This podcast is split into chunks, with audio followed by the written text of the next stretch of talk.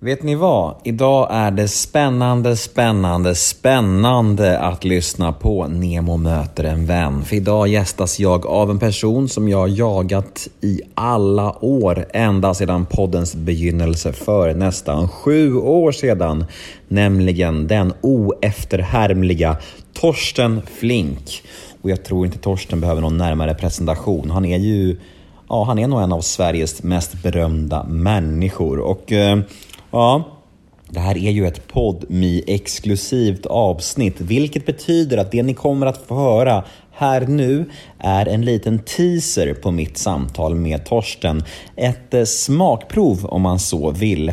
Och vill man höra episoden i sin helhet, ja då behöver man gå in på podmi.se eller ladda ner podmi appen Och vad är då Podmi kanske vissa av er undrar? Jo, Podmi är en plattform som samlar exklusiva avsnitt från några av Sveriges största och bästa poddar.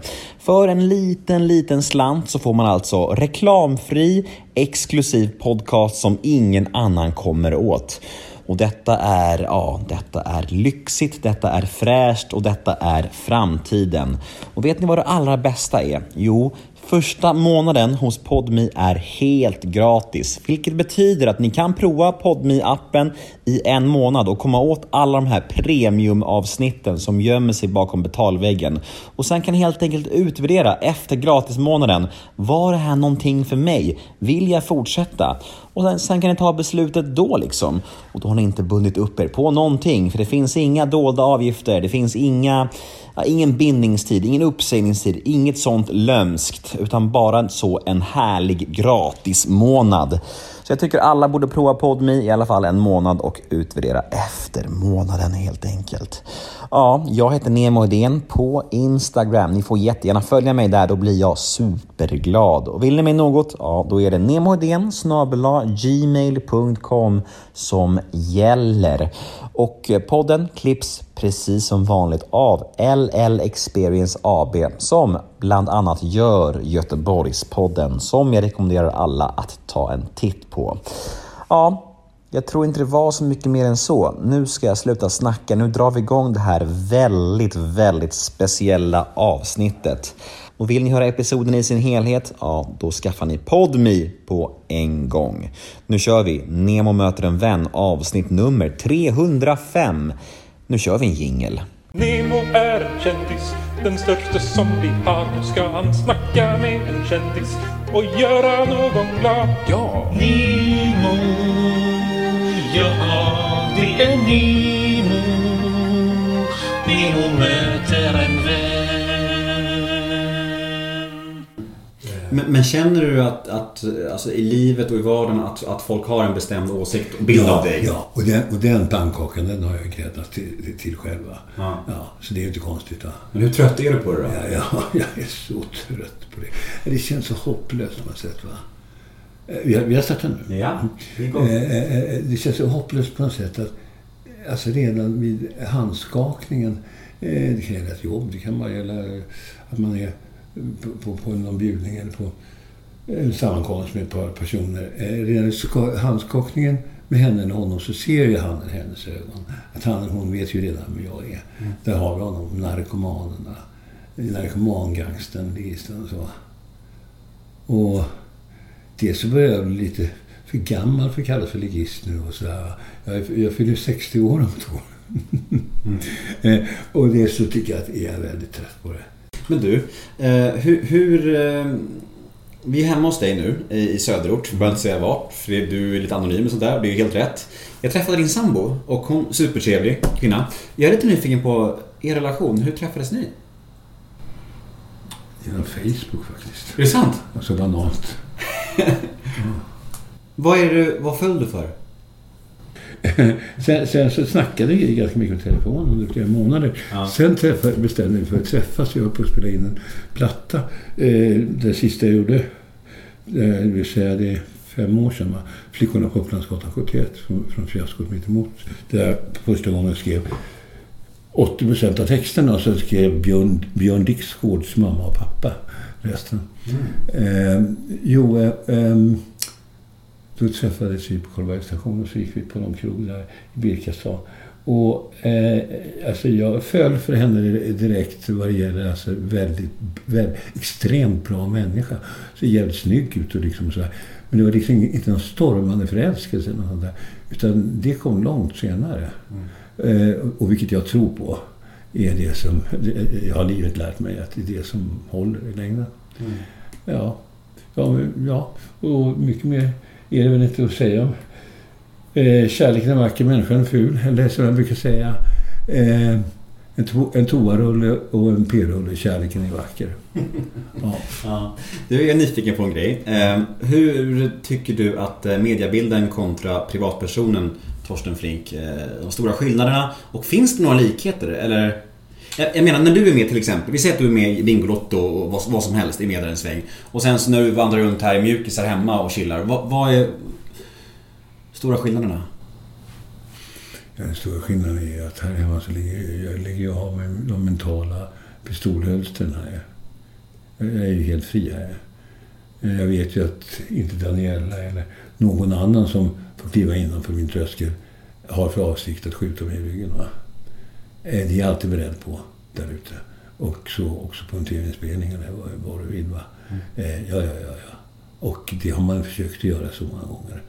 Eh, man lyckas ibland, men som det heter i visan, jag reser mig igen. Mm. Och det var, så, det var så här att min, min regi, alltså jag, alltså jag, jag räknades till, till slut som som en världsregissör. Eh, jag hade, alltså, du, du, vet, det kan gå snabbt ibland. Va? Jag sitter och talar med Paul Newman i telefon i över en halvtimme om att göra tillsammans med Loreen Bacall, Humphrey Bogarts eh, eh, före detta hustru. De är döda båda två nu, Newman och Bacall. De ville göra eh, August Strindbergs Dödsdansen. Kaptenen där och Alice, frun. Och så är vännen i en tredje roll också. Så han skulle göra, vad heter han? Malkovich. Eh, och, jag, och de ville att jag skulle regissera det. Fem veckors repetition. De skulle kunna texten då direkt när man kommer.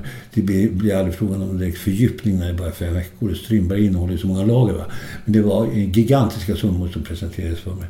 Och att göra det överhuvudtaget, det var skitkul. Va?